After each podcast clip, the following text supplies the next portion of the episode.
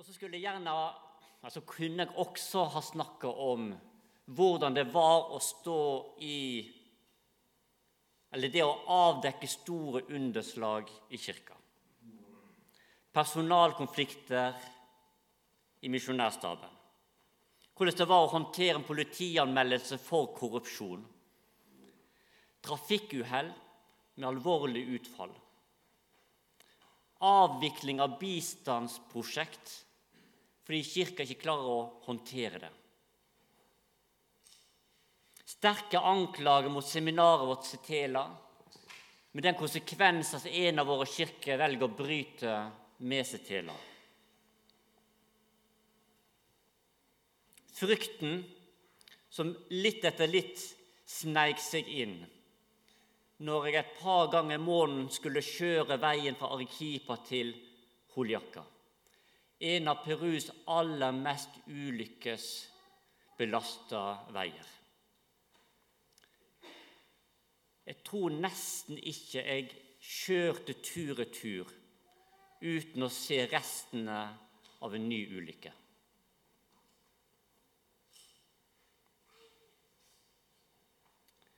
I perioder så hadde jeg problemer med å sove. Hadde behov for hjelp for å, takle det. Jeg er ikke sånn som Ola. Han har et sovehjerte som få kan sove under alle forhold, sier han. Der er ikke jeg. Jeg tar det med meg inn i søvna. Men for meg så er dette blitt utrolig verdifulle erfaringer å ha med meg. Det var aldri aktuelt å bryte av. Tvert imot, når det sto på som verst, så utvida vi perioden to ganger. Rett og slett fordi tjenesten gav mening. Det var verdifullt å stå i det. Og vi opplevde at Gud ville at vi skulle være der. Så enkelt kan det forklares.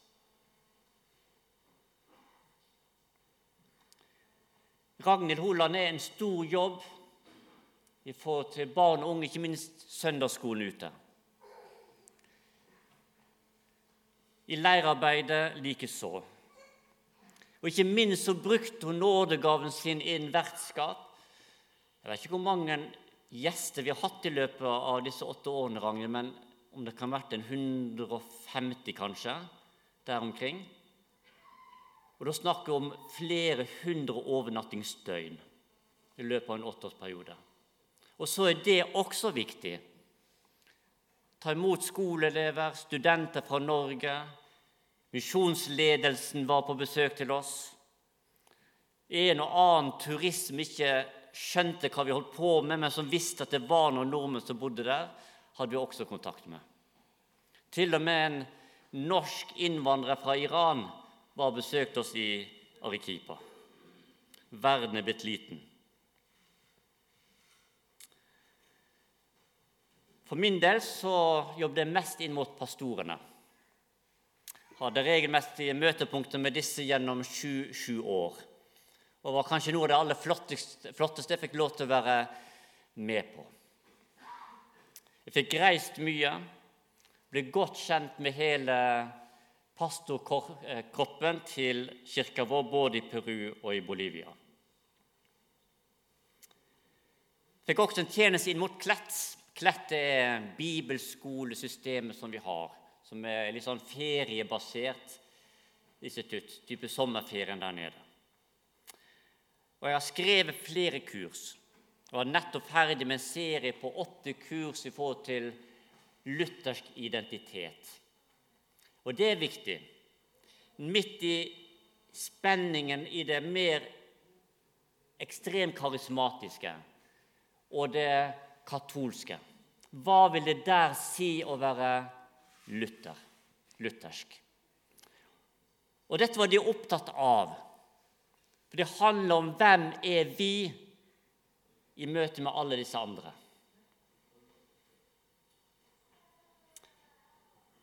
Og så har vi revidert veldig mange av de gamle kursene som vi hadde, og gitt de ut i nye format med ny pedagogikk, med ny metodikk.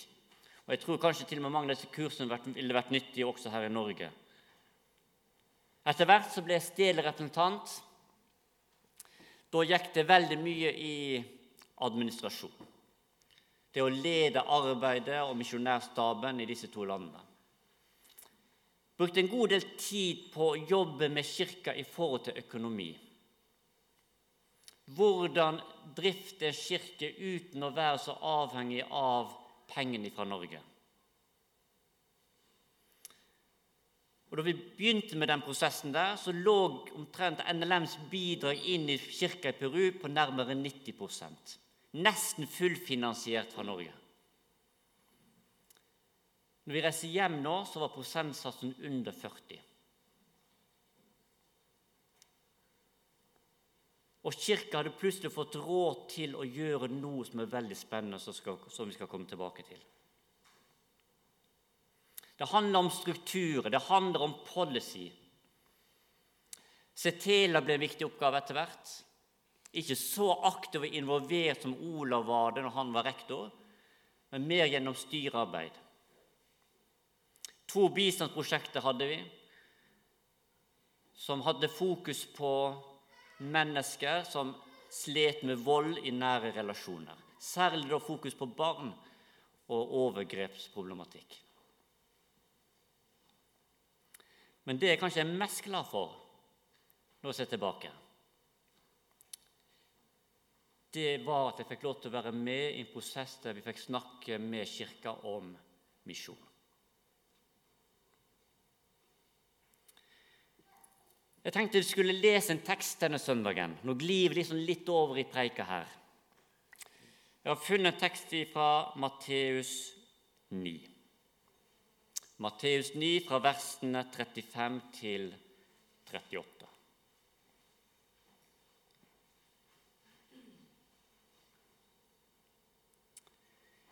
Jesus vandret nå omkring i alle byene og landsbyene. Han underviste i synagogene deres, forkynte evangeliet om riket og helbredet all sykdom og plage.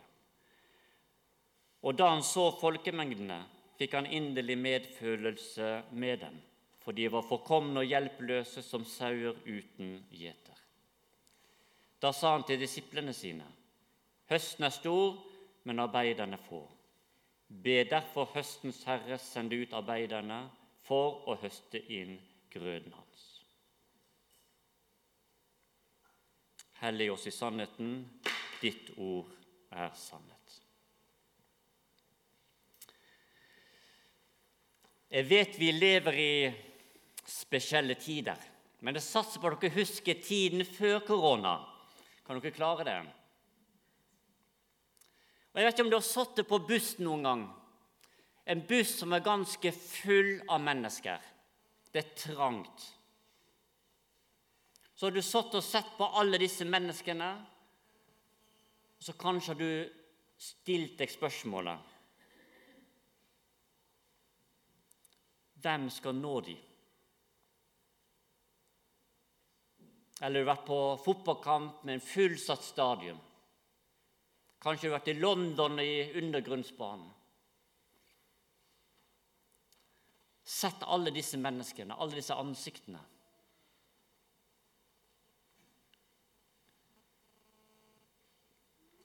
Hvordan skal disse bli frelst? Jeg har gjort det mange ganger. Sittet på trikken i Oslo. Og jeg har kjent meg liten, maktesløs. Unge og lyse. Noen er mørkere i huden enn andre. Noen virker usikre og sky, andre er mer viktige. Og så kjenner jeg at jeg kan bli passiv, og så kan jeg bli oppgitt.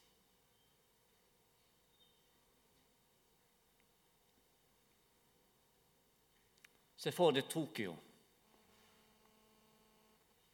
Undergrunnsbanen i Tokyo. Eller de antall millioner mennesker som Ola fortalte om fra Indonesia eller somalifolket, der 99,99 ,99 er muslimer. Har du gjort det spørsmålet noen, noen gang? Hvem skal nå dem? Og Så kan du gjerne si at det spørsmålet det er feilstilt. For det er jo Gud som skal nå disse menneskene. Og så har han likevel på underlig vis gjort seg avhengig av sånne som deg og meg. For at flere av de som sitter på bussen til og fra Flekkerøy, skal kunne tro på Jesus og bli frelst.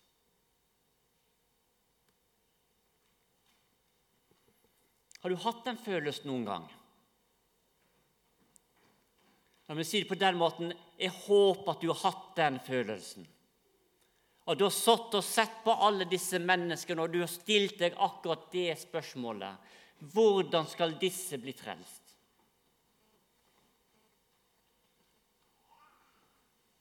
Om Jesus så står det Og da han så folkemengdene fikk han inderlig medfølelse for dem. For de var forkomne og hjelpeløse som sauer uten en gjeter. Og da han så folkemengdene, fikk han inderlig medfølelse med dem. Og Når vi da snakker om misjon, så tror jeg faktisk det begynner med akkurat dette her. Det å la seg berøre. Det å kjenne Guds hjerte slik at vi blir berørt av det. Se mennesker slik Gud ser dem.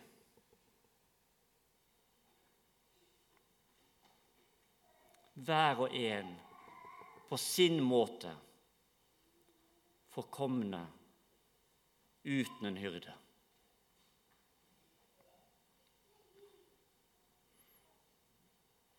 Og så er det jo akkurat denne pasjonen hele frelseshistorien begynner med.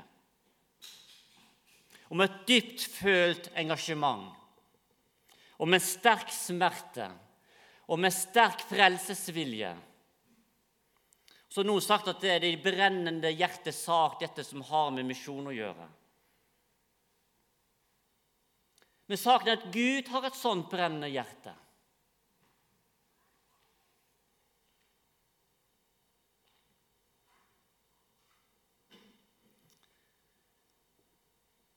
Om du noen gang har bedt til Gud og sagt til ham Gud, jeg skulle så gjerne ha kjent at du var glad i meg.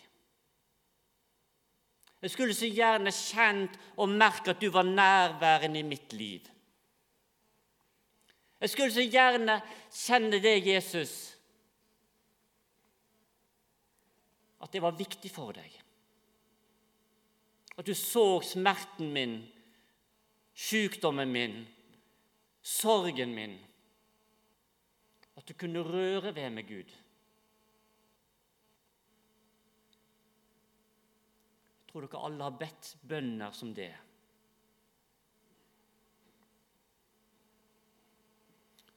Hvis du er her og har lyst til å kjenne at Gud er nær, så skal du be en sånn bønn.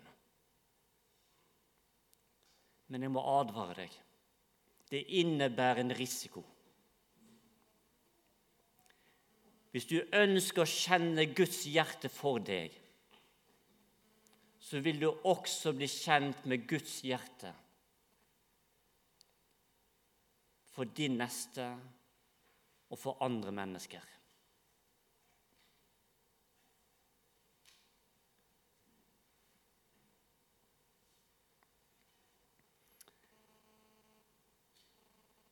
Nå er det seks måneder siden vi kom hjem fra Sør-Amerika, fra Peru. Kirkene som vi jobber i Peru og i Bolivia, det er kirker som på mange måter har stagnert litt etter at de ble nasjonalisert på midten av 90-tallet. Og hva gjør man da for å snu en trend. For at vekkelsen på ny skal på en måte få lov til å leve i disse menighetene.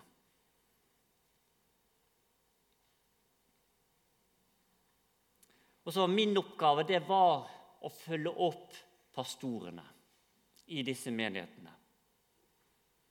Spesielt på nasjonalt og regionalt nivå. Og veldig mye av det vi snakket om i pastorfellesskapet, var jo akkurat disse tingene. Hvordan skal vi få menighetene våre i gang igjen? Hvordan skal vi jobbe i menighetene våre slik at de vokser? Hva med pastorrollen? Og hvordan bør han gjøre jobben sin? Nådegavenes plass, organiseringen, det diakonale, evangeliseringen, smågruppearbeidet, gudstjenestefeiringer. Hva med ytre faktorer som tilgjengelighet og bygg? Og Jeg tror det er helt nødvendig å snakke om også disse tingene og Som kirkeleder så gjør man ikke jobben om man ikke er også opptatt av sånne ting. Og likevel så lite hjelper det dersom det ikke er drevet fram av hjertet som er blitt berørt. Som er blitt berørt av å se en folkemengde som mangler sin hyrde. Som ikke er drevet fram av en inderlig medfølelse med dem vi ønsker å nå.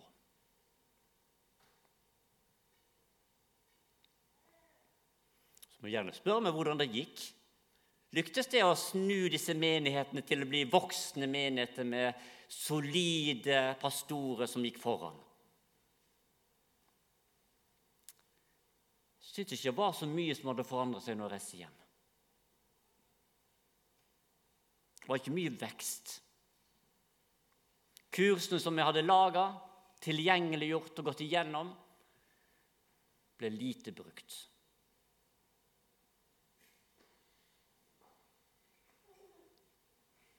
Så er det likevel noen sånne positive ting som jeg hadde lyst til å si noe om. Mulig det handler om mitt eget behov for å gi min egen tjeneste en type legitimitet. Men noe av det siste som skjedde i 2019, det var at Den nasjonale kirka i Peru valgte å sende evangelister inn mot Aymara-gruppa, Aymara-befolkningen. Aymara det er de som bor rundt Titicacasjøen.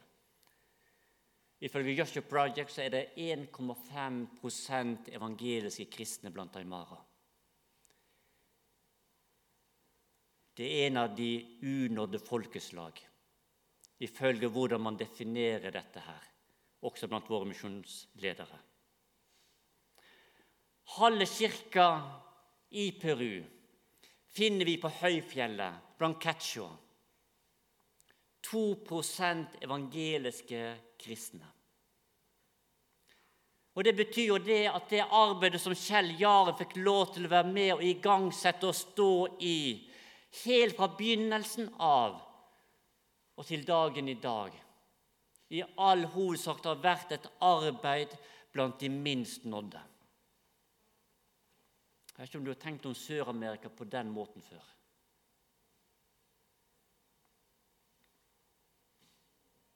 Vår kirke er en av veldig få trossamfunn som har menigheter blant aymara.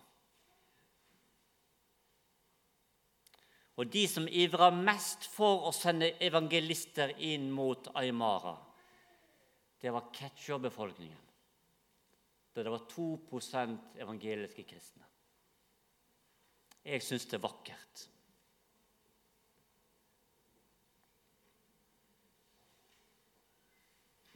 Jeg har lyst til å gi to glimt av hva som kan skje når Gud får lov til å bli invitert inn til å berøre oss.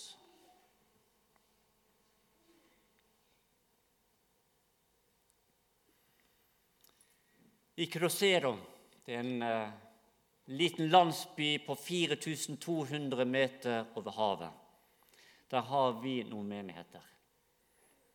Justina hun var aktiv i en av de menighetene. Hun selger mat fra en vogn på plassen der. Jeg tror vi skal kunne kalle det et fattig område. Mye dyredrift, alpakka.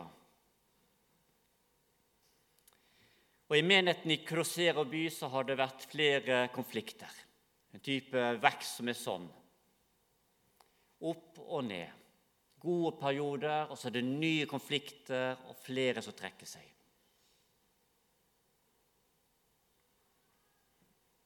Justina hun er alenemamma, alenemor.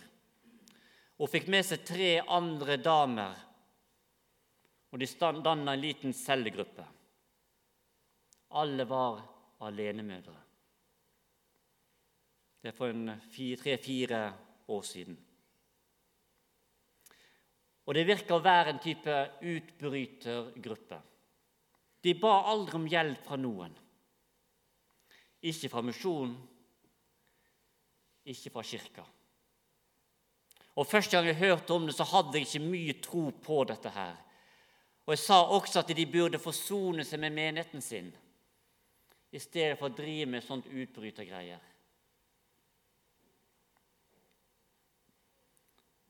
De begynte å samle inn penger fra det de tjente. Og på overraskende kort tid så hadde de fått råd til å leie et lite lokale. Leia var betalt ett år på forskudd. De leide seg et lite rom, og de sa at her skal vår pastor bo. Også det betalt ett år på forskudd. Så gikk det ikke mange måneder, så hadde de kjøpt seg en tomt og så sa de at eh, her skal vi bygge vår kirke.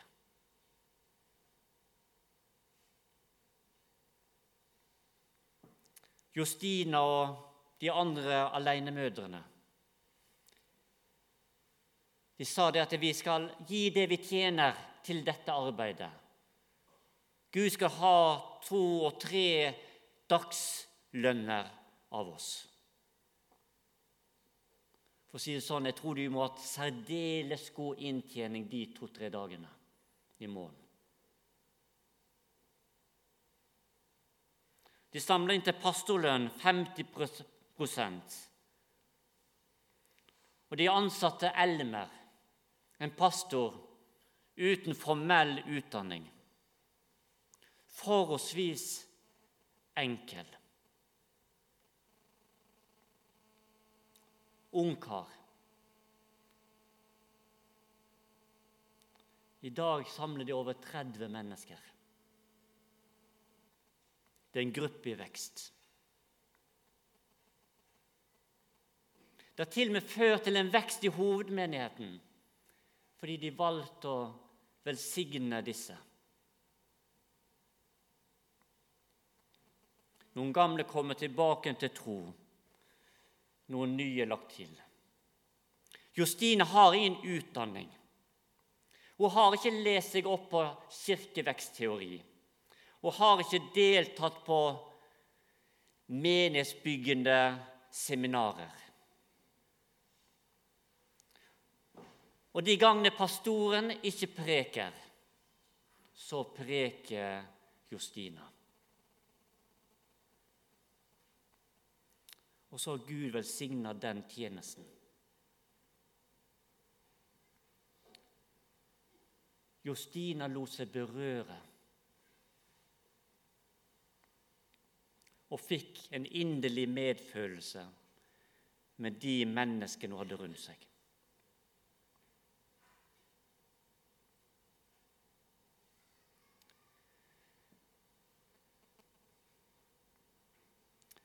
For tre år siden så fikk jeg med tre ukers mellomrom så var det to unge ektepar peruanere som tok kontakt med meg, helt uavhengig av hverandre.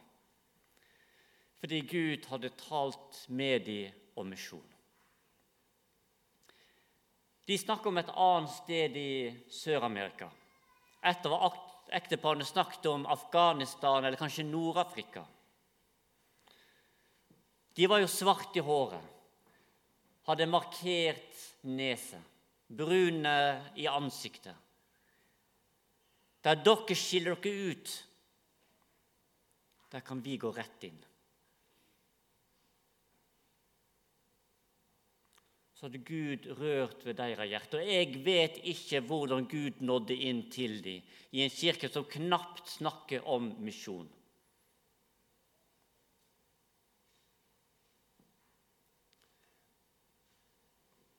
Og Så fikk vi snakke med kirkeledelsen i Peru om dette. Og kirkepresidenten, hovedstyreformannen, han sa sånn Jeg har alltid tenkt at misjon, det er det som skjer når misjonærer kommer hit.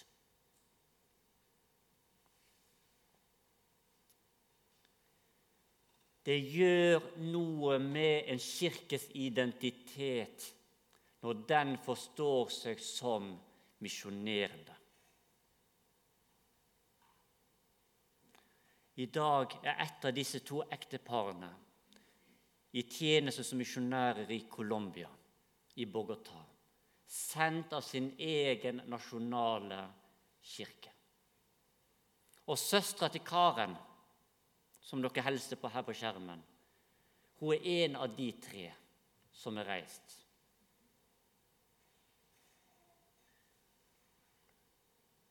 Noen snakker om Latin-Amerika som en sovende bjørn med tanke på misjon.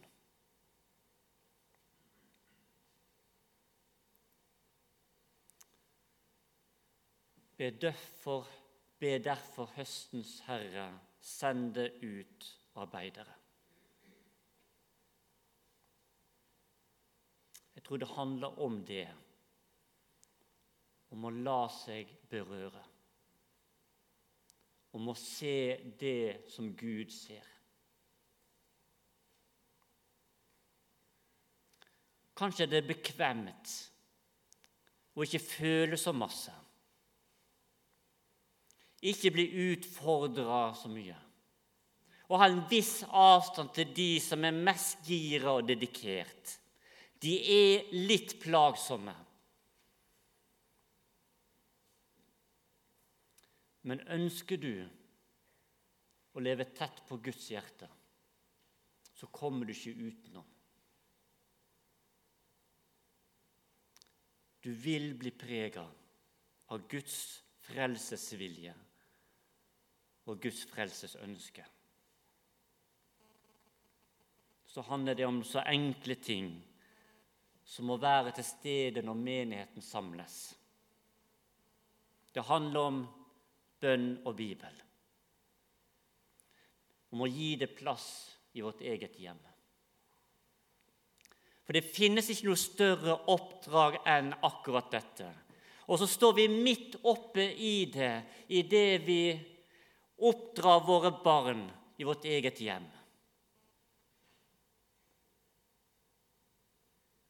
Sammen driver vi en organisasjon som sender misjonærer Og så er vi med på dette. Vi vet det som bevegelse fordi vi har erfart det. Hva Gud kan gjøre når Han får bevege hjerter.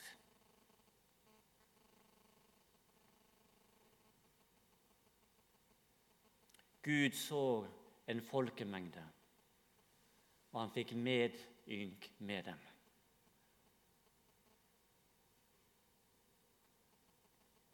Og jeg kjenner at denne lille fortellingen om en alenemor i Cruzeiro, det utfordrer.